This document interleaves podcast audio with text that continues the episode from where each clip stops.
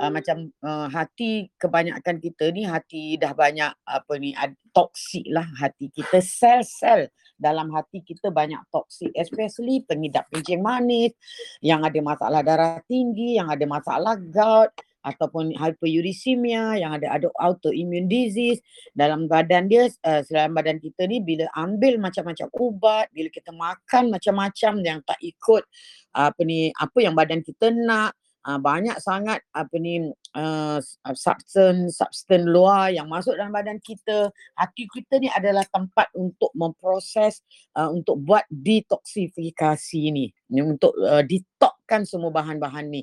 Jadi uh, kalau dimasukkan liver detox ni maknanya kita detox uh, keseluruhan maknanya macam Dr. Ju cakap dalam live semalam maknanya untuk li, untuk uh, liver kita detoxkan satu uh, ni bahan-bahan toksik dalam badan kita ni dia kena dia kena maknanya detox tu kena keluar melalui peluh melalui kencing melalui apa ni paru-paru masa bernafas kan dia keluar air kan and then juga melalui najis uh, tapi yang paling banyak dia melalui najis dengan air kencing lah masalahnya sekarang sekarang uh, apa ni toksin ni dia terperangkap dalam badan kita sebab dia larut lemak. Uh, jadi ni nak nak explain balik lah mungkin ada yang tak faham. Toksin dalam badan kita dia larut larut lemak. Uh, jadi kalau dia larut lemak dia paling sesuai dia buang ikut kita punya usus lah. Maknanya dia masuk uh, pergi pergi kat saluran yang pergi kat gallbladder disimpan kat bersama-sama dengan empedu kemudian uh, ada yang terus direct pergi dekat usus daripada usus tu dibuang uh, itu adalah uh, yang proses yang pertama lah itu yang uh, yang senang dan biasa berlaku dalam badan kita tetapi uh, untuk toksin tu dibuang pa, melalui paru-paru, melalui ani peluh, melalui kencing, dia kena larut air. Ha, dia kena larut air. Jadi untuk dia larut air, dia melalui proses biotransformation. Jadi proses tu yang perlukan beberapa bahan yang Dr. Ju bagi tahu semalam lah. Kalau ada yang nak tahu nak tahu lagi benda tu sebab benda tu apa ni uh, susah uh, mungkin dekat uh, Malaysia tu susah nak dapat ada jugalah tapi mungkin bukan semua jadi kita kena memerlukan beberapa bahan-bahan tu seperti kolin seperti glutathione seperti vitamin B, B apa ni B uh, apa ni vitamin E. Uh, jadi semua-semua tu adalah tujuan dia untuk uh, dia bergabung dengan uh, untuk melak bergabung dengan uh, pros dalam dalam proses uh, ni biotransformation untuk menukarkan uh, toksik yang dalam bentuk lemak tu kepada bentuk air. Ha, jadi bila berlakunya benda tu barulah toksik tu boleh keluar daripada usus dan daripada uh, usus pula daripada uh, peluh dan daripada kencing dan dari uh, dan uh, dan ikut bukan daripada dan ikut paru uh, paru-paru. Uh, jadi yang itu uh, susahlah because dia ambil masa bukan ambil masa lah dia melalui proses yang mahal dan you all kena betul-betul tahu dan kena betul-betul coach dengan Dr. Ju apa nak buat sebab uh, nak nak explain dalam tu pun apa ni bukan senang kan explain dan kalau kita nak buat uh, kalau ada orang kata buat liver detox tu just minum tu minum ni boleh buat liver detox adakah ia mengandungi semua bahan-bahan yang uh, liver kita perlukan untuk uh, bind maknanya bahan-bahan yang uh, dibuat uh, yang badan uh, yang liver kita perlukan tu adalah untuk bindkan toksin yang dalam, dalam, dalam bentuk lemak tu dengan bahan tu supaya dia boleh uh, larut air. Uh, jadi uh, apa yang selalu Dr. Ju ajar adalah uh, detox, uh, liver detox ni sebahagian daripada proses liver detox. Maknanya kita uh, bantu hati kita buang toksik dari dan ada dalam hati kita melalui usus dan uh, dan melalui gallbladder ataupun pundi empedu lah. Jadi macam mana kita uh, nak buang uh, nak buat tu maknanya sebab untuk benda tu berlaku usus kita kena sehat. Usus kita kena bersih khusus kita kena uh, kena apa ni uh, dicuci bersih supaya dan kita kena selalu hari-hari berak. Sebab dalam najis kita banyak toksin. Kalau kita hari-hari tak berak berak empat hari sekali Ha, itu sebabnya orang yang berak empat hari sekali mungkin dia memang ada masalah berak tu dia akan senang dapat toksik. Selalu pening selalu ada masalah apa ni nama apa ni brain fog, sendi-sendi sakit sebab badan dia banyak toksin. Jadi proses tu proses yang Dr. Ju ajar dipanggil eye flush tu yang dia sebenarnya adalah sebahagian daripada liver detox walaupun dia bukan cellular detox uh, itu uh, dia ada proses jadi prosesnya tu dia tiga hari lah uh, dia kita dalam proses tu kita cuci usus dan kita cuci gallbladder kita bersihkan gallbladder kita so that dan saluran-saluran yang pergi ke hati kita jadi proses preparation ni Dr. Ju tak explain tapi Dr. Ju ada explain dalam video Dr. Ju yang sebelum-sebelum ni lah. So proses ni tu sebenarnya ada tiga hari. The first, second day tu adalah preparation. Masa preparation tu uh, kita dia ada kita kena ambil dia punya vinegar. Dia, uh, dia ada cuka dia kena ambil. Dia ada cara je lah Dr. Ju ada bagi tahu. Tadi ada yang tanya masa dia buat uh, liver detox ni boleh tak ambil itu ambil ini. Jadi senang cerita waktu preparation tu dia tak boleh langsung ambil benda-benda yang berlemak. Ha, ini mungkin orang lain yang tak pernah buat liver detox ataupun dah, tak buat tak pernah buat eye flush ni intestinal flush, uh, intestinal cleansing, gallbladder flush ni mungkin dia tak uh, tak tahulah pasal benda ni untuk yang tanya tu Dr. Ju jawab benda yang ad, tak ada lemak sahaja boleh makan. Kalau ditanya lemon, teh, apa stevia, sure lah boleh. Hmm, kalau ditanya nasi, nasi takkan tak ada lemak. Sayur kan tak ada lemak. Ha, nasi tu di, uh, direbus lah. Janganlah nasi lemak pula kan. Ha, dan uh, kalau nak makan sayur tu, sayur tu rebus lah buat masak masak bening saja. Ha, itu mungkin kena ada satu sesi khas bercerita macam mana nak buat liver detox. Okay. Eh, sambil tu Dr. Yu nak, nak dengar lah kalau ada apa-apa soalan. Betul tu Datuk sebab apa usus ni pun uh, sebagai fungsi uh, benda penting yang kedua lah dalam badan kita. Betul tak Doktor? Betul. Ha. Okay, uh, saya sudah dapat kat sini ada Dr. Kira. Hai Dr. Kira. Oh, saya tak dengar. Okay. Uh, kerja ke Dr. Kira? Ya, sorry tengah tengok patient. Oh. Okay. Okay, uh, ada kat sini yang nak tanya terus dengan Dr. Ju, boleh tekan button uh, kat bawah tu yang raise hand tu. Nanti uh, tim akan uh, bagi tuan atau puan lah untuk tanya terus dengan Dr. Ju. So, uh, ada yang nak ke? Tak ada. Kalau tak ada, saya teruskan kepada soalan. Okay, soalan pertama doktor. Daripada hmm. Puan Nuraini Razali. Salam, maaf nak tanya. Kalau nak buat liver detox, boleh ke ambil nasi ulam dan sambal belacan? Ha, dah eh, jawab so- tadi. Oh, dah jawab dah tadi. Ha, okay. Tengoklah nasi tu ada ke uh, lemak? Tak ada. Ulam tak ada lemak kan? Sambal belacan mm-hmm. ada tak lemak? Ha, kalau kalau kita rendam tak keluar minyak tu tak ada lemak. So boleh. Hmm. hmm.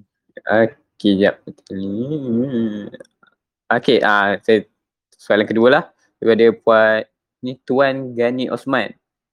Uh, betul ke madu asli atau kelulut boleh menurunkan gula dalam darah yang didakwa? Kiranya dia macam uh, dari posting-posting media sosial lah. Okay. Uh, untuk pengetahuan semua, madu, apa saja jenis madu adalah uh, apa ni satu pemanis yang sangat-sangat tinggi dia punya fructose, very high fructose. Jadi kita kena kita semua tahu bahawa fructose adalah gula. Ha, adalah gula. Jadi kalau kita ada kencing manis, kita ada insulin resistant, gula memang dah tinggi dalam badan kita sampai kita kena makan ubat untuk tolak gula masuk dalam sel, untuk tolak gula jadi lemak, untuk tolak gula masuk dalam hati. Jadi madu tu dia mengandungi fruktos. Jadi fruktos tu gula. Jadi dia akan menambah-nambah lagi beban badan kita. Maknanya fruktos dalam madu ataupun madu ni sebenarnya dia tidak sesuai untuk masalah kencing manis. Doktor Ju ada banyak testimoni eh. Ada banyak testimoni orang ambil pakai madu ni kan. Madu ni mm-hmm. sangat bagus. Madu ni makanan sunnah tapi bukan untuk orang yang dah ada masalah kencing manis. Untuk orang yang dah ada masalah insulin resistant kalau dia kata madu tu boleh baik uh, boleh uh, boleh curekan kencing manis, boleh tunjukkanlah kat Dr. Ju kat mana, kat, kat mana curenya. Dr. Ju ada banyak testimoni. Uh, yang pertama yang paling besar sekali testimoni eh. Dulu ada seorang datuk, datuk datuk dot dot lah dekat Labis. Ah, datuk kan jadi dia uh, ni politician, jadi kaya. Jadi dia ni apa ni ada diabetik ha? dia on insulin waktu tu Dr. Ju tak buat lagi apa ni benda ni lagi tak buat lagi coaching coaching apa ni diabetik ni so dia ni apa ni datang klinik Dr. Ju lah dia tengok sebab dia ada masalah apa tak ingat lah dia, dia Dr. Ju tengok dia punya sugar is very tinggi tinggi sangat lebih daripada 20 bukan lebih 20 ada kalanya dia datang high high tu maknanya you punya machine tak boleh baca So Dr. Ju tanyalah dia apa sebenarnya you ambil. Dia kata saya dah tak ambil gula doktor. Ha, tapi saya ambil madu. Dia kata hmm. madu tu gula lah. Dia kata saya tak ambil gula. Langsung tak ambil gula. Saya ambil, minum kopi saya letak madu. Saya minum teh saya letak madu. Dia kata. So dia kata madu ni sebenarnya gula. Dia kata saya ni doktor setiap bulan orang asli datang tempat saya bagi saya madu asli. Uh, dia kata satu ikat tiap bulan dia orang hantar kat rumah saya. Dia kata saya apa ni maknanya hmm. orang asli bagi uh, dia nak cakap yang madu tu is madu asli lah kan sebab orang hmm. asli bagi tapi Allah alam lah. Lepas tu uh, dia apa ni tak lama kemudian apa ni sebab dia tak nak dengar cakap kita kan biasalah because you terlalu ramai sangat advisor kat luar sana especially bila you politician So dia continue apa yang dia buat. Last last dia admitted dekat hospital Putri sana kan gula dia very high. Dia hmm. dapat diabetic ketoacidosis. Uh, lepas tu nak pendekkan cerita dia meninggal lah. Uh, itu adalah satu yang bagi Dr. Ju sangat-sangat sedih lah because tak mau dengar kata sampai dapat DKA lepas tu meninggal. Dan ada juga beberapa ramai juga patient Dr. Ju dia, dia tanya Dr. Ju dia kata kenapa saya ambil madu gula saya naik dia kata ada doktor ni, doktor uh, doktor dot dot dia kata suruh saya ambil madu. Madu tu bagus untuk kencing manis. Boleh ambil madu. Tetapi bila dia ambil gula dia meroket. Bila dia ambil gula dia meroket. So itulah jawapannya sebab madu tinggi fruktos. Madu bagus untuk orang yang sehat. Menggantikan gula. Maknanya kita ambil because dia natural fruktos. Tapi fruktos ni bukan ada dekat madu juga. Fruktos ni ada dekat buah-buahan, ah, dekat buah yang manis-manis tu tinggi fruktos dan sekarang ni ramai orang yang jus kan buah. Maknanya you just ambil fruktos. Kalau nak tahu fruktos yang paling tinggi sebenarnya dekat jagung.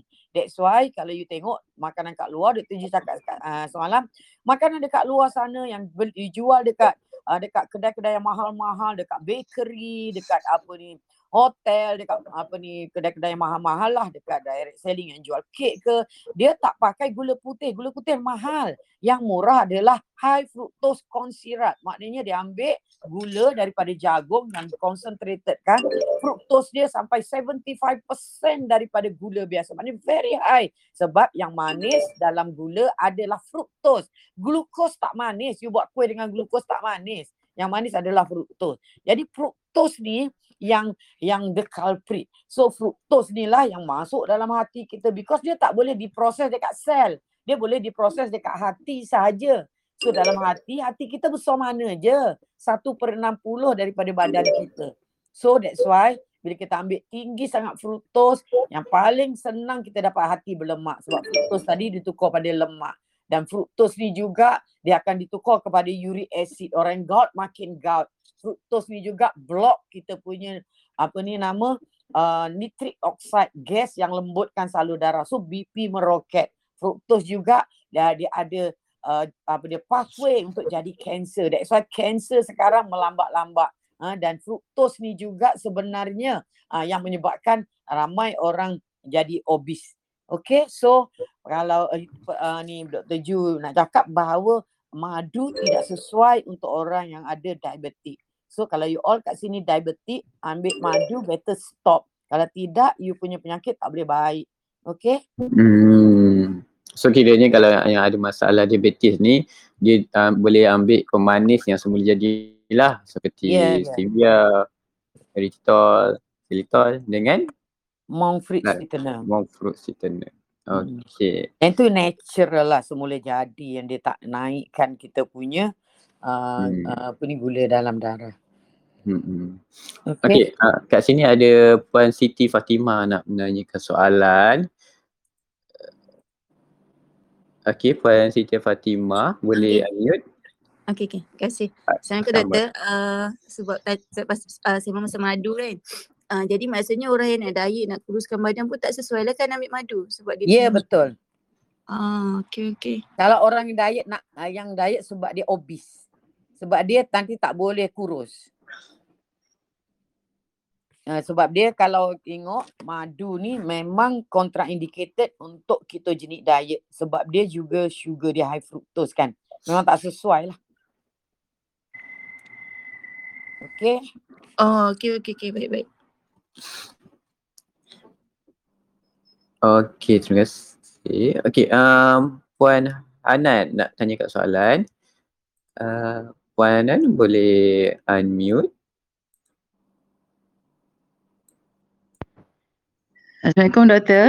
Ya, Waalaikumsalam Puan. Puan dari mana ni? Saya dari Muar. Oh dekat je. Ha itulah. Tapi ni lo- lockdown tak boleh nak pergi sana lah. Ingat nak Ya. jumpa, nak jumpa jugalah doktor Ju macam Ah. mana. Kerja Nak apa? tanya. Ya? Kerja apa? Apa dia? Kerja apa? Oh saya cikgu. Oh ni cuti kan? Ha. Ha, ya apa nak tanya tu Puan? Okey, uh, saya ni doktor, saya baru start makan ubat metformin. Kencing manis lah. Ya. Uh, uh, belum sampai sebulan lagi lah dalam tiga minggu lebih macam tu. Jadi bila saya start makan ubat metformin ni, uh, saya dah tak ambil lah gula, tepung gandum, lemak trans apa semua tu. Tapi sejak pada mac- uh, saya dah kontrol makan macam tu dan mak, uh, amalkan uh, dan makan ubat ni, uh, badan saya jadi macam tak sedap, kadang-kadang jantung tu jadi laju. Uh, angin gastrik ke tak tahulah angin apa macam tak boleh tidur malam, letih sangat-sangat kalau lepas makan tu terus nak tertidur walaupun kita tahan tak nak tidur pun jadi tertidur. Ah tu Dah macam berapa mana lama tu? ambil metformin tu? Ah dalam tiga minggu lebih, hampir Okey. sebulan lah. Gula berapa sekarang? Gula kalau saya cek hari-hari kadang lapan, kadang tujuh. Lepas makan ke puasa? Itu puasa, bangun pagi saya cek. Dia yang pertama menyebabkan letih, lemah, lesu tu sebab ubat. Ha, sebab Ubat. metformin tu. Sebab you tak biasa dengan ubat tu. Maknanya you Oh. tak boleh tolerate ubat tu. Puan boleh tukar ubat lain. Oh, Ah, ubat apa yang boleh, sesuai? ah, boleh ambil. Uh, kalau tak makan ubat, berapa you punya gula? Dalam 14 Puasa tu. ah 14 Puasa. Maknanya kalau tak puasa 20 lebih lah. Uh, ah, tak tak pernah pula cek kalau tak puasa. Okey, uh, berat badan ada ke ada overweight ke macam mana? Ah overweight lah 100 lebih. Ah, jadi puan uh, memang maknanya tak uh, tak boleh tolerate metformin. Puan Oh. um, tukar kepada Jardian, J A R D I A N C E. Tapi Jardians ni sama Ah. uh. selalunya you kena uh, sama ada you beli dekat uh, ni pergi dekat uh, ni klinik swasta untuk beli ataupun you pergi kat farmasi untuk belilah minta prescription daripada doktor ke uh, ataupun you Oh. boleh minta prescription daripada klinik Dr. Ju pun ada kalau you nak kita boleh hantar boleh boleh prescribe uh, ni prescribe untuk you lah uh, boleh call team Dr. Ju sebab ka, apa Hmm. ni apa ni Jardian ni selalunya orang jarang ada side effect sebab dia yang bagusnya uh, metformin ni cara dia bertindak uh, dia uh, macam paksa kita punya insulin untuk masuk dalam sel paksa kita punya pintu dekat sel tu untuk buka uh, untuk masuk untuk sumbat sumbat sumbatkan gula dalam kita punya sel. Sedangkan Yes. sel orang yang Hmm. pesakit diabetes ni dah penuh dah dah apa ni dah apa ni dah sumbat dah sendat dah. So kadang-kadang apa ni selalunya dia lama-lama tak jalan. Mula-mula je jalan ha, kalau kita mula-mula ada ruang lagi mungkin tolak-tolak-tolak boleh masuk. Lama-lama tak jalan nanti. So dia kena perlukan force yang tinggi. Dia akan lah, tambah lagi ubat. So untuk puan ni the best untuk masa kini ni you ambil Jardian. Ambil yang 10 miligram sahaja cukup. dan ataupun ambil 25 miligram. Uh, kalau tinggi sangat 25 sebab Jardian yang pertama dia buang gula dalam kencing kita. Yang kedua Jardian turunkan kita punya tahap insulin. Puan boleh kurus dengan senang. Jadi bila puan follow Dr. Ju punya protokol, nanti Mhm. apa ni dengan ambil Jardian, puan punya badan akan turun turun turun gitulah.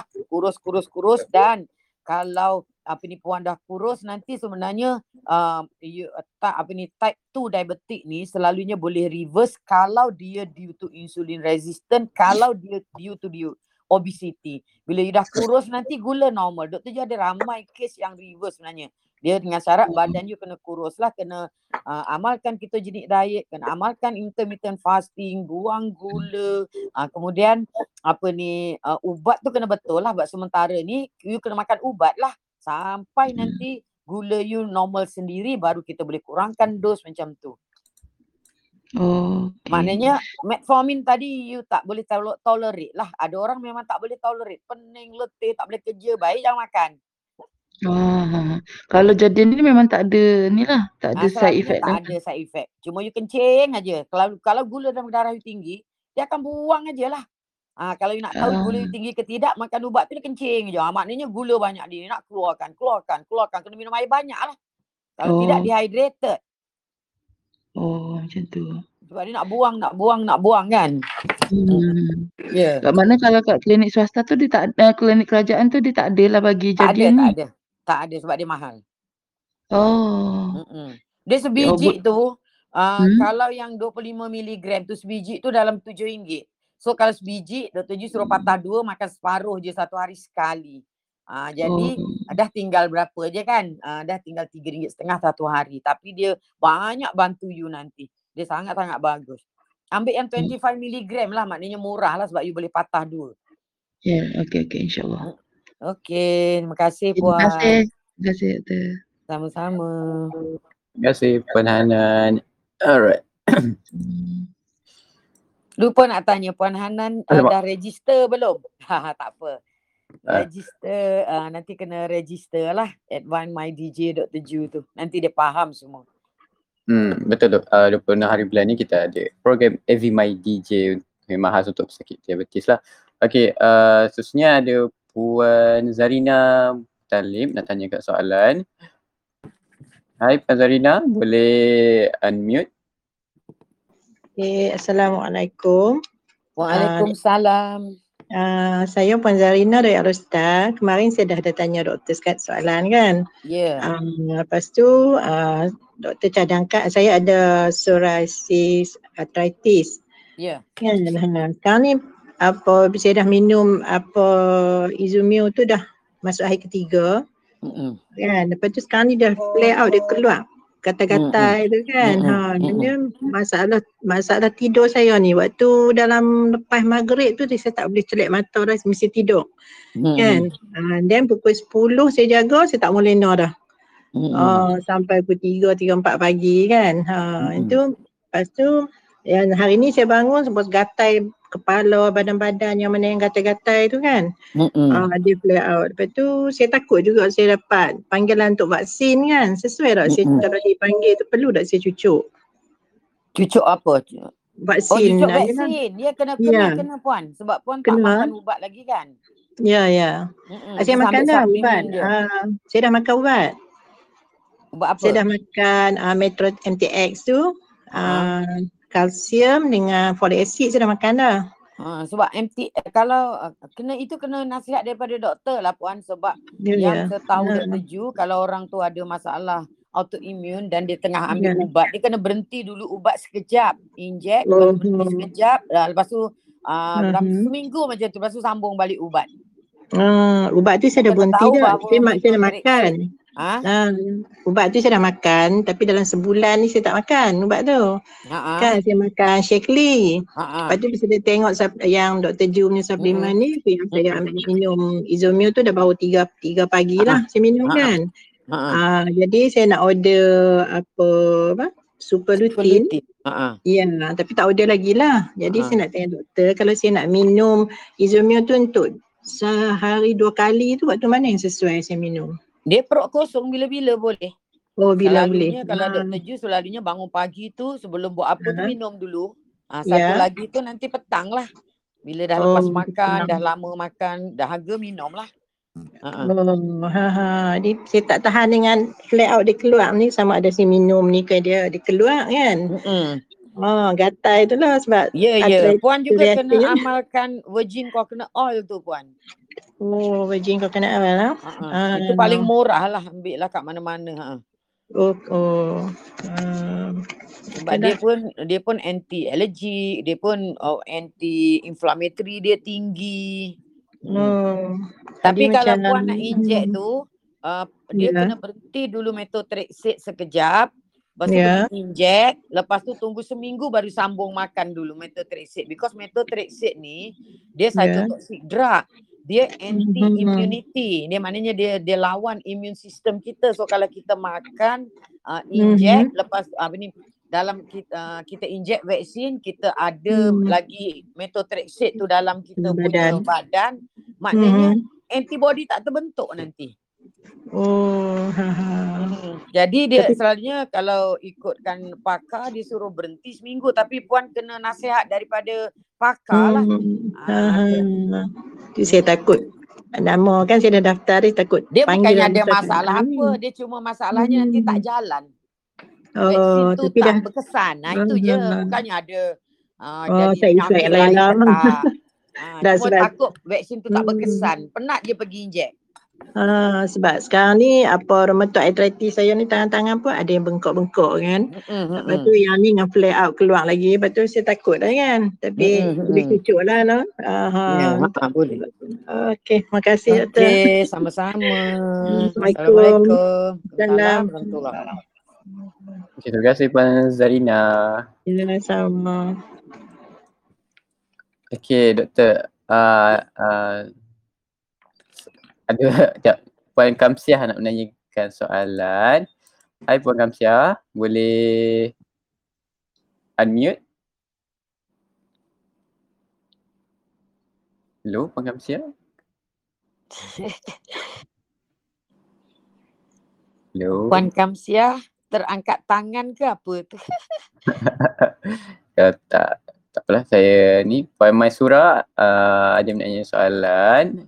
Puan Maisura boleh unmute. Hello, Assalamualaikum Doktor. Ya, Waalaikumsalam. Okey, Doktor saya nak tanya macam ni. Uh, uh, so, saya kalau minum air contohnya sehari saya minum 1.5 liter.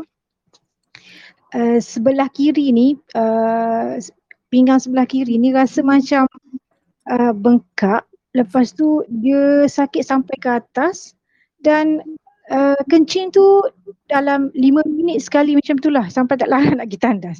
Saya dah buat apa ni uh, dah pergi klinik lepas tu pergi hospital uh, buat apa ni ujian kencing, ujian darah. Lepas tu dia cakap tak ada jangkit tangkuman. Lepas tu uh, darah pun ujian darah pun okey semualah tak ada ubat karang ke apa semua. Uh, tapi bila um, saya duk perhatikan bila saya puasa benda ni tak jadilah sebab mungkin sebab kita puasa kita tak minum air sangat kan. Ha, tapi kalau macam hari biasa kalau saya minum air 1.5 liter ke atas macam tu lah dia jadi macam rasa macam bengkak rasa sebelah bahagian sebelah kiri sampai ke atas ni pun sakit. Kenapa ya doktor? Jadi yang you buat investigation tu, dia buat ke x-ray semua-semua ni? Oh x-ray tak buat. Hmm, sebab kalau kita cek darah saja, kita tak tahu. Maknanya kita tak boleh nak nak confirm apa diagnosis you. Jadi as Mm-mm. if macam apa yang berlaku pada you ni macam ada satu penyumbatan. Faham tak? Ada satu penyumbatan mungkin uh, dekat mana dekat salur salur one of the you punya salur salur yang pergi ke you punya bladder lah. Macam lah ni Dr. Ju. Uh, Hmm. uh, Dr. Ju agak saja. Ya ya ya. you kencing, uh, dia punya kencing tu tak boleh lepas pergi ke pundi kencing.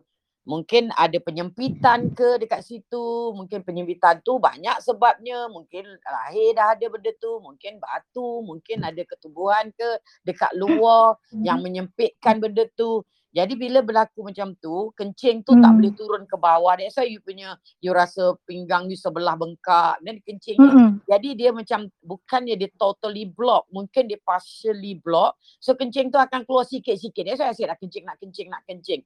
You punya case you, you, you kena pergi jumpa urologist tau. Urologist untuk apa ni, untuk betul-betul cari pu- ah, ni dia punya diagnosis ni. Dia selalunya bukannya ambil darah saja, kadang darah normal. Mhm.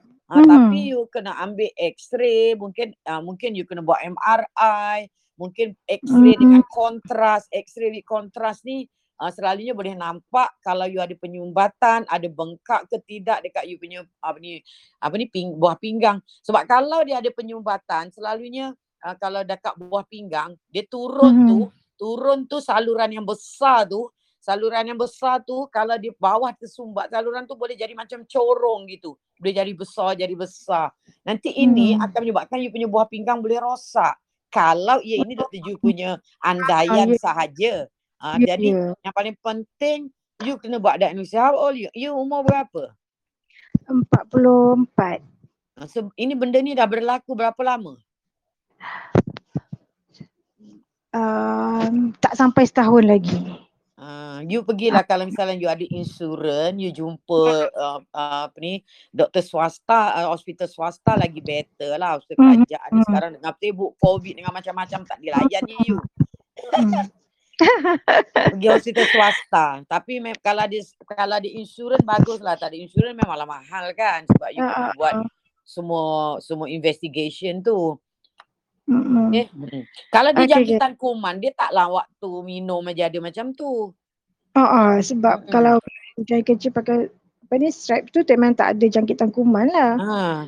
Hmm. So kena x-ray lepas tu oh yalah kan. Kena buat semua lah. Maknanya kalau x-ray biasa tak nampak, dia kena x-ray with contrast ataupun you buat MRI. Make sure apa ni betul-betul tak ada uh, ni tak ada blockage lah. Maknanya kita Mm-mm. takut lah sebab dia akan menyebabkan buah pinggang rosak kalau blok tu lama-lama tidak di-release kan. Allah Hmm. alam, kita tak tahu lah.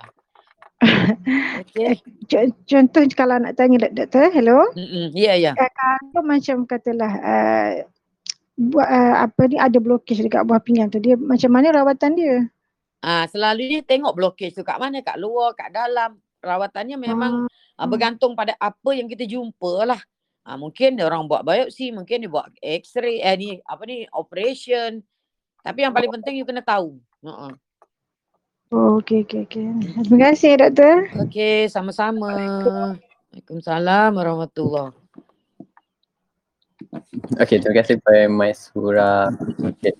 Uh, seterusnya ada Puan Azila Ibrahim nak tanyakan soalan pada. Azliza. Ah, Azliza, maaf maaf. Puan Azliza nak tanya soalan. Uh, hai Puan Azliza, boleh unmute. Hello. Okay, macam tak ada. Okay, tak Ada. Ah, ada. Okay. Puan Azizla, Uh, saya nak tanya, kalau hari tu saya ada buat blood test dan dapati uh, daripada blood test itu keputusan uh, bahagian globulin saya tu tinggi. Sikit Mm-mm. daripada normal. Apakah uh, menunjukkan tanda-tanda apa? Dekat Globulin eh, tinggi. uh, tinggi sedikit. Uh, globulin ni protein sebenarnya. Protein yang uh, dia ada kena-mena dengan antibody globulin ni. Jadi kalau dia tinggi tu maknanya kadang-kadang mungkin kita pernah dapat infection ke macam tu je. Tapi dia taklah berapa penting sangat. Kalau rendah tu yang penting. Kalau tinggi sikit tu dia tak tak adalah apa ni signifikan sangat. Okey. Mm-mm. Oh, itu je lah saya takut risau buat hati kan. Ha ah, betul betul. Mm-mm. Okey. Terima kasih Dr. Ju. Okay, sama-sama. Okay, terima kasih Puan Aziza. okay, uh, apa yang macam tak ada ni tanya soalan Dr. Ju. Okay, macam tu saya tanya soalan Dr. Ju. Okay, Yeah. uh, ni saya ada baca soalan dari Puan Kamsiah yang tadi kot. Uh, okay, Puan Kamsiah ni jam seronok pula baca soalan dia jadi lapar pula. dia tanya apa beza karbo mihun dengan karbo nasi? Adakah sama? Karbo bihun, karbo nasi sama je puan. Dua-dua karbohidrat, dua-dua dalamnya ada gula. Uh, mihun cuma bezanya mihun daripada nasi, daripada beras, uh, tepung Mhm. beras. Uh, mi daripada tepung gandum. Kalau di, disuruh pilih, Dr. Ju akan pilih bihun. Sebab mi uh, dia daripada tepung gandum, dia ada gluten. Uh, dia ada gluten. Gluten ni adalah satu bahan yang uh, apa ni yang apa ni boleh kita menyebabkan kita alergik, boleh menyebabkan kita dapat penyakit. Kalau ada orang yang ada masalah uh, apa ni usus, uh, dia memang kalau dia ambil gluten ni uh, dia dia punya masalah gastrik ke, GERD ke akan makin teruk. Jadi benda tu kalau dari segi kalori lah, kalau ditanya lah berapa banyak gula dalam ni, dalam ni dua-dua lebih kurang. Cuma yang membezakan itu saja. Maknanya satu dibuat daripada tepung gandum, satu lagi dibuat daripada tepung beras. Tapi dua-dua kalau you ada kencing manis, dua-dua akan meningkatkan gula kalau ambil dengan lebih. Kalau you are on ketogenic diet, dua-dua akan kick you daripada ketosis. Uh, okay? Tapi kalau you sehat, tak ada masalah, pilih yang bihun tu better. Hmm, bihun dia better lah kalau yang jenis yang sehat. Okay, ha, betul betul. Umar Okay. suka makan mana? Kalau saya eh, kalau saya, saya tak tak memilih sangat makanan ni. saya makan je. Uh, so tapi uh, kalau saya makan yang berkuah, uh, maybe uh, saya akan makan lambat sikit lah macam uh, sikit, sikit macam sopan ni makan. okay, uh, bihun soalannya? okay saya suka mihun lah. Mihun lah sebab Ya mi ke? sebab sebab mi tu rasa macam uh, sebab mihun tu kan kecil-kecil so senang makan macam tu je. Ya, yeah, lagi satu mi ni dia selalunya kalau kita beli yang dekat pasar raya dia ada pengawet. Mm-hmm. Dia ada Mhm. dia ada apa ni dia ada bau sikit lah. Kadang Hmm. dia letak kapur untuk kenyalkan dia. Bihun tak eh, rasanya tak ada apa pun nampak macam kosong je kan. Mm-mm, betul tu. Macam kadang kalau makan mi tu rasa macam hmm, berminyak lah dia macam kalau tak basuh cara betul lah. Ya, yeah, Okey. betul. Uh, saya buka eh saya, saya teruskan kepada soalan seterusnya. Uh, ni daripada Puan Rafida.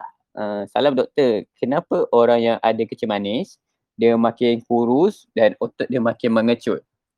Selalu kita Oh. dengar yang orang uh, kencing manis ni obesity tapi yang ni isu dia lain sikit. Ha, macam mana tu doktor? Ah, orang kencing manis yang dia makin kurus, ah, makin kecut, ah, itu ada ada dua sebab lah. Yang pertama, yang paling sering adalah disebabkan dia adalah kencing manis tahap satu, ah, ni jenis satu. Maknanya type 1 diabetes. Type 1 diabetes ni adalah penyakit kencing manis di mana dia punya uh, pankreas iaitu kelenjar yang buat dia punya insulin tu rosak sama ada dia lahir tak ada benda tu ataupun dia dah umur berumur mungkin kelenjar tu kena jangkitan kuman ke kena serang autoimmune disease ke kena virus ke menyebabkan uh, dia punya kelenjar tu rosak. jadi uh, pankreas ni gunanya keluarkan insulin. Insulin gunanya untuk bawa gula masuk dalam uh, sel untuk ditukar kepada tenaga. Bila insulin tak ada gula tak boleh dibawa masuk dalam sel. Ha, jadi uh, insulin ni juga dia yang rangsang pembentukan lemak. Uh, jadi kalau gula tinggi dia rangsang pembentukan lemak. Jadi orang yang ada masalah uh, diabetik type 1 ni dia insulin kurang jadi lemak tak terbentuk jadi sel dia pula tak cukup gula dia akan selalu letih. Uh, jadi apa ni Ha, ni menyebabkan apa ni dia kurus sebab lem, ah, lemak tak terbentuk. Lagi satu orang yang masalah ada masalah type 1 diabetik ni juga because bila gula tak boleh dibuat sebagai tenaga, badan kita pula akan ambil gula daripada protein lah, ha, daripada lemak-lemak yang tertinggal dalam badan dia. So dia makin kurus makin kurus, otot dia tu pun tak ada apa ni apa ni pun makin kecil ha, sebab uh, macam dia gunakan protein daripada dia punya apa ni nama lem, otot tu digunakan sebagai sebagai tenaga. Ha, jadi itu sebabnya. Jadi kalau orang tu dah tua kan, ha, mula-mula dia digemuk. Ha, lepas tu dia uh, dapat apa ni kencing manis makin teruk tapi dia makin kurus makin kurus sebab sekarang ni ramai yang orang dapat uh, combination of type 2 dengan type 1. Maknanya dia mula-mula dulu type 2. Lama-lama uh, dia mungkin tak jaga, dia mungkin makan ubat apa ni tak tahulah uh, tak jagalah sekarang badan dia banyak toksik. Dia dapat combination of type 2 dengan type 1. Uh, jadi itu menyebabkan dia makin kurus, makin kurus, makin kurus.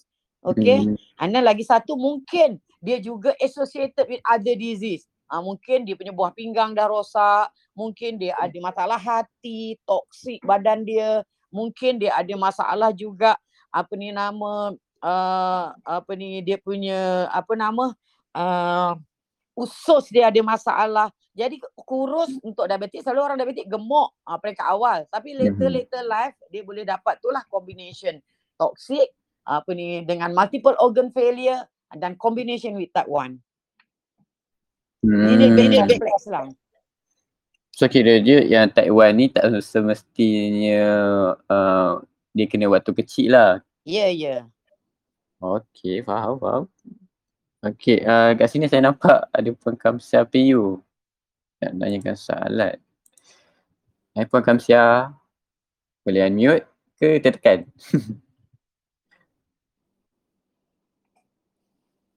Okey. Problem Tak ada nak tanya, tanya Puan Anong. Assalamualaikum doktor. Ya, Waalaikumsalam. Ah doktor, nak, saya bukan Kamsia Pengyu dalam tu saja. Ah, saya Melayu lah. Nama saya Jun. Oh. Ah, ah, saya ada Zoom dengan doktor itu 18 hari bulan. Ya, Saya ada leaky gut. ya. Kemudian ah, kemudian ada ada simptom pre-diabetic kemudian ah, saya punya buah pinggang ah, 88 GFR lah. Mm-mm. Jadi Hello, hello doktor. Ya, teruskan, teruskan. Ah, ah, jadi saya ada ambil Izumio yang 4 superlutin dengan apa tu? Uh, ada empat tu kan doktor suruh makan saya dah makan. Ya, Cuma saya nak tanya beberapa perkara. ya. Uh, tiga hari bulan bulan tiga hari tu saya uh, test gula uh, 5.8. Gula saya 5.8 puasa lah. Kemudian ada simptom-simptom menyucuk kaki. Mm-mm. Kemudian kencing selalu uh, tap, uh, HbA1c 5.6. Tapi Hmm. selepas saya puasa, puasa bulan Ramadan saya kontrol makan apa semua, simptom kencing tu makan nasi tak adalah banyak tapi semakin semakin kuat. Kadang-kadang kontrol jadi macam tak balance dengan saya punya yang dah diet yang kuat tolak karbo tu tapi dia ada juga. Ha, itu Mm-mm. saya nak tanyalah doktor. Kemudian tadi yang pasal karbo tu doktor, maknanya bihun dengan tu saya yang tanya juga. Uh, Mm-mm. uh, dia bihun ni memang tak ada gluten ke doktor atau ada? Tak ada, tak ada. Bihun dibuat daripada tepung beras. So kalau you Beras, ada ah. leaky gut, you boleh makan. Tak ada masalah. Boleh ah. Yalah yalah. Ah, ya itulah doktor saya yang pasal diabetik ni. Saya rasa memang betul macam doktor cakap dia very complicated untuk kawal. Ya. Ah, tu saya nak tanya macam mana pandangan doktor tu? Yang apa ni, gula, gula you macam uh, Dr. Ju tengok you punya gula tu normal. HbA1c normal. So apa you makan tak makan ubat kan? Cuma Saya bukan- ke apa? Ah, saya tak ada, tak ada makan ubat. Cuma ah, pasal simptom tu ah, doktor Kencing yang je. ah, kalau makan karbo banyak nasi nasi tu macam tak adalah sepinggan menggunung Mm-mm. tapi sesedap sepinggan tu nampak lah Ah. makan kenyang then ah. then terasa lah menyucuk kaki. Mm-mm. Ah kalau saya makan tu. Sekarang memang saya on keto sejak 18 hari bulan Ya, hari ya. tu. Mm-mm. Dia punya salah satu kebaikan yang saya nampak yang nampak ketara cucuk kaki tu dah very rare lah. Macam satu hari Mm-mm. sekali dua kali saja. Tapi kencing ni kalau saya ambil nasi lima suap atau ke- ataupun bihun lima suap saja ah, dia ada nampak simptom dia. Ha, Ah, yang jadi, senang dia ya. jawabnya jangan makan nasi lah. Itu Makan bihun, cuba makan bihun. bihun lah cubalah nasi agak-agak. tu you buat resistant tak? Buat, buat. Memang memang memang ada buat. Kadang-kadang kalau tak buat pun at least saya ambil nasi lemak lah saya dengar sebab nasi lemak ni dia potong dia dia lambatkan insulin juga kan. Ya betul Memang saya, betul. memang saya kontrol betul lah. Cuma saya ni bukanlah berat sangat 42 kilo lelaki kan 100 Mm-mm. tak sampai 160 jadi memang kurus tu. Ah, memang memang memang challenging lah memang challenging. Mm-mm. Tak apa, you Hmm. teruskan apa yang you buat baik. Uh, Mm-mm. buat exercise, buat breathing exercise, buat jalan kaki selalu. Jadi nak Oh. membina you punya otot tu. Bila you buat Oh. punya otot sebab you lelaki, muda lagi, Ya, you boleh buat you boleh pergi gym, boleh boleh buat apa ni apa ni workout untuk besarkan you punya otot.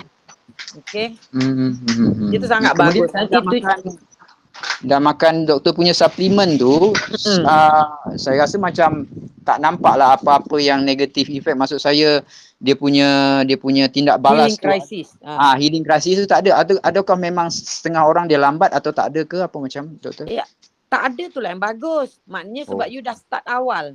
You dah start Oh. diet semua awal. Bila you ambil, dalam badan you dah kurang. Jadi dia tak banyak tindak balas untuk buang toksik tu. So dia tindak balas apa ni tindak balas yang bagus je. Hmm.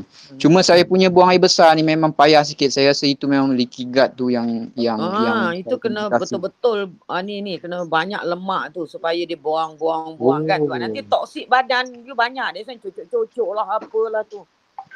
Oh itu kena ambil lemak lebih doktor ya. You dah buat belum apa ni liver detox tu? Yang apa bukan liver detox, eye flush tu. I plus saya tak saya tak tahu tentang tu sebab itu saya ikut saja arahan prescribe doktor yang ambil empat tu saja yang yang itu saja setakat ni lah. Eye flush ni you buat sekali je pun boleh. Kalau leaky gut dia tak teruk, uh, you boleh buat eye flush. You boleh tanya tim Dr. Ju itu hari kan. You boleh call dia balik macam mana nak buat eye flush tu. Nak flush you flush- punya gallbladder, nak bersihkan you punya Oh. usus supaya you berak tu senang. Kalau lama Eye flush- susah berak oh. nanti toksik berkumpul. Ah yalah yalah I flush ah nanti saya contact dia orang lah. Ah itu saja Mm-mm. doktor. Terima kasih doktor. Okey, sama-sama.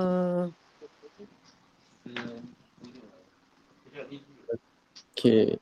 Uh, kat sini saya nampak ada banyak yang angkat tangan. So uh, saya nampak ni tuan ke Bayi. Bayi Sulaiman. Saya tak sure ni puan ke tuan. Uh, okay. Uh, hai Bayi Sulaiman. Boleh unmute? Halo, Assalamualaikum. Oh, puan. Waalaikumsalam. Siapa nama puan ni? Mbak Imah. Mbak Imah. Uh-uh. Oh, okey. Hmm. Saya ada gula kecil manis yang terlalu tinggi lah, Pang. Um, bacaan saya dalam 20 ke atas. Oh, puan makan ubat apa? Hmm, hari tu makan ubat uh, apa tapi uh, dah berhenti dah sebab uh, insulin 4 kali. Masa tu masuk ward sebab ada fibroid. Masa Mm-mm.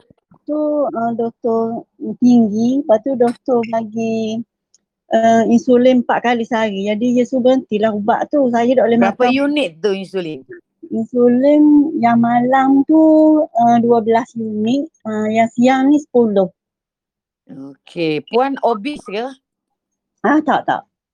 Uh, eh? dalam Berapa berat badan? berat badan dalam 58 59. Oh, taklah tinggi. Hmm. Ni eh, ni puan apa ni sekarang ni masih tinggi lagi dia punya tu. Ha, masih tinggi. Sebelum insulin ni dalam belah-belah je. Tapi Sekarang puluh-puluh. Ha, sekarang ni sejak insulin ni jadi puluh-puluh. Ah, puan kena uh, buat online personal coaching dengan Dr. Ju lah. Nanti Dr. Ju akan guide sebab ini kena personal. Ini ben- banyak benda puan kena buat ni. Puan boleh call ataupun tim Dr. Ju boleh call puan lepas ni. Okey. Sebab okey. kalau tidak masalah ni you akan dapat macam-macam na- benda nanti. Umur berapa? 48. Ah, muda lagi. Tak apa ni. Okey, puan boleh uh, nanti ataupun nanti Dr. Ju akan suruh apa ni tim Dr. Ju call puan lah untuk buat Okey, personal coaching. Personal coaching lagi better lah daripada nanti kalau seminar tu puan join jugalah sebab seminar tu cuma okey. RM19 je. Itu Ah. lagi detail. Tapi untuk puan ni rasanya kena kena personal lah maknanya kita kena personalize apa yang you perlu buat sebab ini benda yang serius kan. Kalau follow doktor je kan habis kan. Hmm. Okey. Okey. Terima kasih bang. Okey. Okay, terima kasih Ah, puan. Okey. Okey. Sama-sama. Waalaikumsalam. Okay doktor, uh, ni ada orang uh, daripada Puan Amy, dia nak tanya. Hmm. Kemarin saya ambil test blood dan dapat result, liver profile saya under GGT agak tinggi uh, dalam 150 dan bad cholesterol saya LDL 5.2. Bagaimana nak turunkan? Apakah maksud GGT liver tinggi tu doktor? Okey puan, GGT tinggi tu adalah marker yang puan ni ada fatty liver. Ha, jadi ini boleh reverse lagi. Kalau nak confirm boleh buat ultrasound dan benda ni sangat serius. Maknanya kena tengok puan ni obese ke tak obese ke uh, ni uh, memang kena reverse kan. Uh, fatty liver boleh lagi reverse. Uh, jadi yang ini mungkin puan boleh tengok Dr. Ju punya uh, live ataupun video-video Dr. Ju tentang fatty liver. Dekat Dr. Ju punya apa ni nama uh, Dr. Ju punya Facebook pun banyak banyak yang Dr. Ju ada cerita pasal fatty liver. Fatty liver maknanya hati puan ni dah banyak lemak. Jadi lemak tu himpit apa ni merosakkan sel-sel hati. That's why GGT tu naik. Nanti later uh, enzim lain dalam dalam liver function 10 boleh naik. Ini peringkat awal ni. Jadi yang the best untuk puan buat adalah buat intermittent fasting combine dengan ketogenic diet off semua 4P. Gula langsung tak boleh ambil. Uh, jadi dalam masa buat Dr. Ju ada kes yang buat 28 hari je benda ni dah normal dah. Dah reverse. Tapi kalau puan tak buat dia akan makin teruk nanti, you akan dapat liver cirrhosis, you akan dapat toksik dalam badan, hati boleh rosak terus, tak boleh reverse. Okay, ini peringkat awal sangat GGT ni. Okay. Okay. Uh, Puan Amy ada kot dalam ni. Saya nampak ada Puan Amy dalam ni. Harap uh, Puan Amy ni lah. Okay. Uh, soal nak soalan terakhir ke doktor sebab Ah, pun boleh, boleh, boleh. Last Boleh, eh? question, Puan Anum. Alright. Hai Puan Anum, boleh unmute? Apa khabar Puan Anum? Assalamualaikum Dr. Ju. Ya, Waalaikumsalam Puan. Ah, saya lagi Dr. Ju daripada Singapura? Singapura. Macam mana sekarang? COVID. Alhamdulillah. Alhamdulillah uh, makin turun. Lepas Berapa tu lama dah ah, tak balik Malaysia ni? Oh, setahun lebih dah Dr. Ju. Dah jadi orang Singapura. sekarang Hmm, ya? Dah jadi orang Singapura lah dah. Itulah uh, dan vaksin pun dekat sini sekarang ni dia orang dah fokus pada uh, budak sekolah Dr. Ju. Oh, tu dah ke bawah lah tu. Bagus. Ah, 12 Sini tahun ke orang atas. pun tak habis lagi. Uh, uh. Mm-mm. Okay Dr. Ju saya nak tanya uh, tanya nak nak dapatkan uh, apa ni cara saya uh, buat ni lah keberkesanan ni lah takut silap ke tak berkesan ke yang saya amalkan ni lah kan. Sebelum ni saya tanya ada tanya Dr. Ju berkaitan dengan tangan saya ni kan yang Dr. Ju kata uh, eczema kan. Mm-mm. Okey. Uh, saya dah ambil uh, sekarang ni saya ambil air Izumio uh, dan juga Paramylon. Ya. Uh, uh, saya se- sebelum tu lah sebelum tu lagi saya mula saya ambil air Izumio dan juga super lutein. Ya. Dan bila dapat cakap dengan Dr. Ju dia kata ambil Paramylon untuk nak cleankan usus kan. Ya. Jadi saya saya stop super lutein, uh, saya ambil Izumio, bangun tidur je saya terus minum air Izumio. Lepas Ya. tu uh, saya ambil Paramelon dua biji uh, Mm-mm. bersama sarapan dan juga uh, petang dua biji. Ya. Uh, lepas tu selama hampir uh, seminggu lebih uh, tangan saya dah clear lah Dr. Ju. Hmm. Uh, cuma Alhamdulillah dah okey. Cuma dia uh, yelah take time lah benda tu macam nak nak hilangkan kata-kata sikit-sikit tu masih ada lagi lah tak sepenuhnya lah. Ya. Okey. Uh, tapi start uh, minggu ni, dua hari, tiga hari ni, uh, saya saya cuba ubah sebab saya nak ambil super lutein tu juga. Jadi saya Ya. ambil uh, Izumio tu bangun tidur saya minum dan bila sarapan saya ambil bersama dengan saya ambil super lutein dua biji. Uh, Ya. petang baru saya ambil uh, Paramilon dua biji. Ya. Betul tu. Hmm. Macam mana tu doktor boleh tak? Mana Betul, uh, betul. Uh, Ya, Yalah dan kita cara- jarakkan kan. Betul tu. Uh, dan cara saya ambil tu uh, saya mula saya telan uh, super lutein tu dua biji lepas tu saya pun sarapan. Lepas tu uh, Paramilon pun sama. Boleh macam tu kan doktor? Eh, para uh, Paramylon you ambil petang kan, pagi tak ada kan? Uh, pagi tak ada pagi saya ambil super lutein, saya ambil super lutein tu saya sarapan dan bila Ha. petang uh, baru saya ambil Paramilon saya makan malam sekali Ya, yeah, betul. Itu betul bersama lah. makanan. Betul Ya, betul. Ju kan? Mm-mm. Okey. Lepas tu uh, saya dah sejak saya follow Dr. Ju ni dah hampir 2 bulan 3 bulan Mm-mm. Walaupun secara tak rasmi lah follow ikut YouTube semua kan uh, saya punya Alhamdulillah lah berat badan saya daripada saya 65 saya sekarang ni dah sampai 53 Ya. Ah jadi dah lihat dah, dah, jadi sebelum ni tak pernah sampai 50 sampai 50 tapi sampai tu yang tumbuhnya eczema ni lah kan. Ah, jadi saya terima lah benda tu mungkin dia punya dia keluar toksin dia macam tu kan. Lepas tu apa yang sekarang saya amalkan ni saya makan uh, saya sayur tapi sayur saya goreng bersama minyak kelapa tu tak ada masalah kan Dr. Jo? Tak ada, tak ada. Ah, memang saya ambil sarapan memang setiap pagi sarapan saya adalah sayur bersama minyak kelapa. Lepas tu nasi pun saya buat nasi resistant tapi saya makan sikit lah nasi dan sayur yang banyak untuk nak fokus yang uh, fokus pada tangan saya ni dululah saya nak Mm-mm. pulihkan dulu. So uh, lepas tu saya minum pagi tu saya minum sekali dengan air susu susu kambing. Boleh kan Dr. Jul? Bersama Boleh, dengan boleh. bersama dengan coconut apa kok, uh, minyak kelapa dara tu. Boleh, boleh. Uh, maknanya boleh semua tu kan tak mana tak ada tak ada bercanggah lah. Tak ada, tak ada. Boleh. Okey, lepas tu Dr. Ju, saya pun sebelum ni saya pernah amalkan uh, apple cider. Mm-mm. Apple cider. Uh, tapi bila start tangan saya mula masalah, saya stop apple cider tu. Ya. Jadi saya pernah tanya dia kata apple cider tu macam sebab dia perap kan jadi macam tak boleh untuk uh, orang yang ada histamin tinggi ni. Jadi Ya, ya, betul. boleh sebenarnya. Ya, betul. So maknanya you kena cari benda lain lah. Apa yang you dah ambil ni dah cukup lah. Tak payah apple cider dah. Mm-mm. Lepas tu uh, macam sekarang ni kan untuk nak tingkat imun orang cakap ambil vitamin C untuk nak vaksin semua dia kan nak bagi supaya ketahanan kita tinggi. Jadi perlu tak saya nak ambil lagi vitamin C ataupun saya hanya amalkan yang macam ni je yang Tak 10 tin perlu 2 dah, tak biji perlu. dengan Tak perlu dah. Yang dah ada Tak tu perlu. dah cukup. Bagus sangat dah. You tengoklah dekat dalam uh, you punya apa ni yang you ambil 10 tin tu pun dah ada berapa banyak kan. Dah ada carotenoid. Ha. Carotenoid tu lebih baik daripada vitamin sebenarnya. Dalam tu juga ada vitamin B, vitamin E kan. Dan vitamin Ah. uh, dan omega. Omega tu yang terbaik dekat dunia pula tu. Kalau you tahu pasal tu kan. Ya, apa ni. Mm. And then dekat uh, paramylon tu sendiri dah ada lap- 58 nutrien, 58 ke 59 nutrien. Maknanya dah cukup dah tu dah. Dah tak perlu ambil Hmm. macam-macam lagi sebab kita kadang-kadang kena setengah-setengah daripada apa yang kita ambil, dia ada efek macam you ambil vitamin C. Contohnya macam tu lah. Maknanya dalam paramylon ada bahan-bahan yang kesan dia sama dengan vitamin C. Ah contohnya. Jadi you tak perlu ambil vitamin C, faham tak?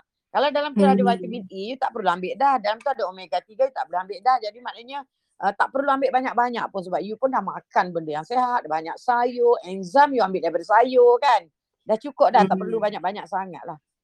Sebab ada orang Oh. ambil sampai macam-macam. Kalau you buat, kalau you ada duit, you buat nutrigenomic study tu. Ha, dekat Malaysia memang murah lah. Kalau kat Singapura, dia hantar Australia. Tak tahu lah kalau Singapura dah ada. Kat Malaysia satu pusat je yang ada kan. Hmm. Saya sekarang ni memang uh, Yelah insyaAllah saya akan amalkan lah yang Dr. Ju ajar macam ni kan. Ha, Lepas tu cuma Yelah uh, rasa tak berpuas hati lagi sebab bila macam sebab saya tak pernah ambil darah kan yang macam tu juga saya Mm-mm. buat nutrigenomic study tu semua memang memang nak Mm-mm. buat lah cuma dalam keadaan sekarang ni kalau nak buat kat Singapura ni memang kos tinggi lah tu gila lah. ah tunggu yelah tunggu kalau border buka tu memang saya akan pergilah ke sana insyaAllah lah Mm-mm. saya nak Betul. nak puaskan hati lah kita nak tengok betul-betul kan uh, apa benda kan apa darah bacaan apa semua tu memang saya tak pernah buat lah sebelum ni Mm-mm. Kena Ah. buat lah. Uh, nutrigenomic study ni you buat se- se, se, seumur hidup sekali je. Untuk tengok you punya apa sebenarnya makanan yang betul-betul uh, yang betul-betul you punya badan perlukan. Apa benda yang betul-betul you tak boleh makan sebenarnya. Sekarang kan kita berteka-teki ikut apa yang rasa-rasa je lah. Makan je lah apa boleh makan. Tiba-tiba nanti gatal sana. Tiba pening. Sebenarnya ada benda-benda tu yang kita tak boleh makan tapi kita tak tahu pun. Cuma dia mahal Hmm. lah. Ha, Itu je. Hmm. Mm-mm. Hmm, okey okey. Okay, terima kasih banyak Dr. Ju. Okey, sama-sama. Dr. Kera nak takat apa-apa ke? Ada announcement ke?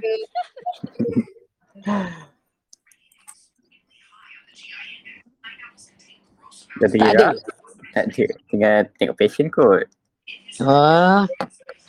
Okey, dah pukul 11 uh, lebih dah ni. Umah, kita kena Hmm. so memandangkan dah pukul 11 dah sejam kita uh, borak santai dengan Dr. Ju. So yang mana yang ada soalan ataupun yang tak sempat nak tanya Dr. Ju uh, boleh isi soalan ruang boleh isi soalan dekat ruang chat Telegram Dr. Ju official chat nanti Dr. Ju uh, akan uh, reply lah ataupun tim Dr. Ju yang akan jawab persoalan anda. Okay Dr. Ju. So uh, hari ni Dr. Ju plan nak buat apa? Hari ini, hari ini, hari ini cuti lah. Duduk dalam rumah, masak-masak. Dah kerja seminggu kan. Jumaat Ah, Sabtu ah. memang Dr. Ju cuti. Nak keluar tak boleh. Ha, Hmm. Tengoklah dia tanam-tanam sayur hidroponik tu. Tengok-tengok itu je. Okay. Okey semua. Assalamualaikum warahmatullahi wabarakatuh. Jumpa balik esok insya-Allah. Bye. Bye.